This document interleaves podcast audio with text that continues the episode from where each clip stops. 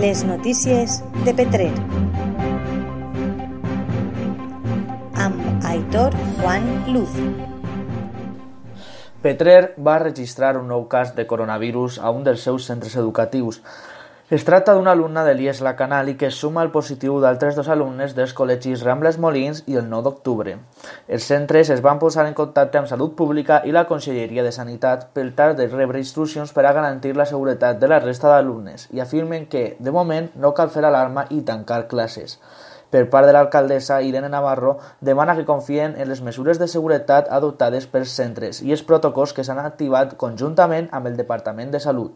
D'altra banda, Navarro demana responsabilitat a les famílies, ja que és treball de tots extremar les precaucions a l'àmbit domèstic i d'oci i seguir les directrius que s'estableixen quan es detecta un positiu. La primera edil també ha parlat d'una tornada segura i responsable a les aules, ja que estem amb una comunitat educativa molt àmplia i, per desgràcia, hem d'acostumar-nos a conviure amb el virus i frenar els casos que de moment han sigut aislats.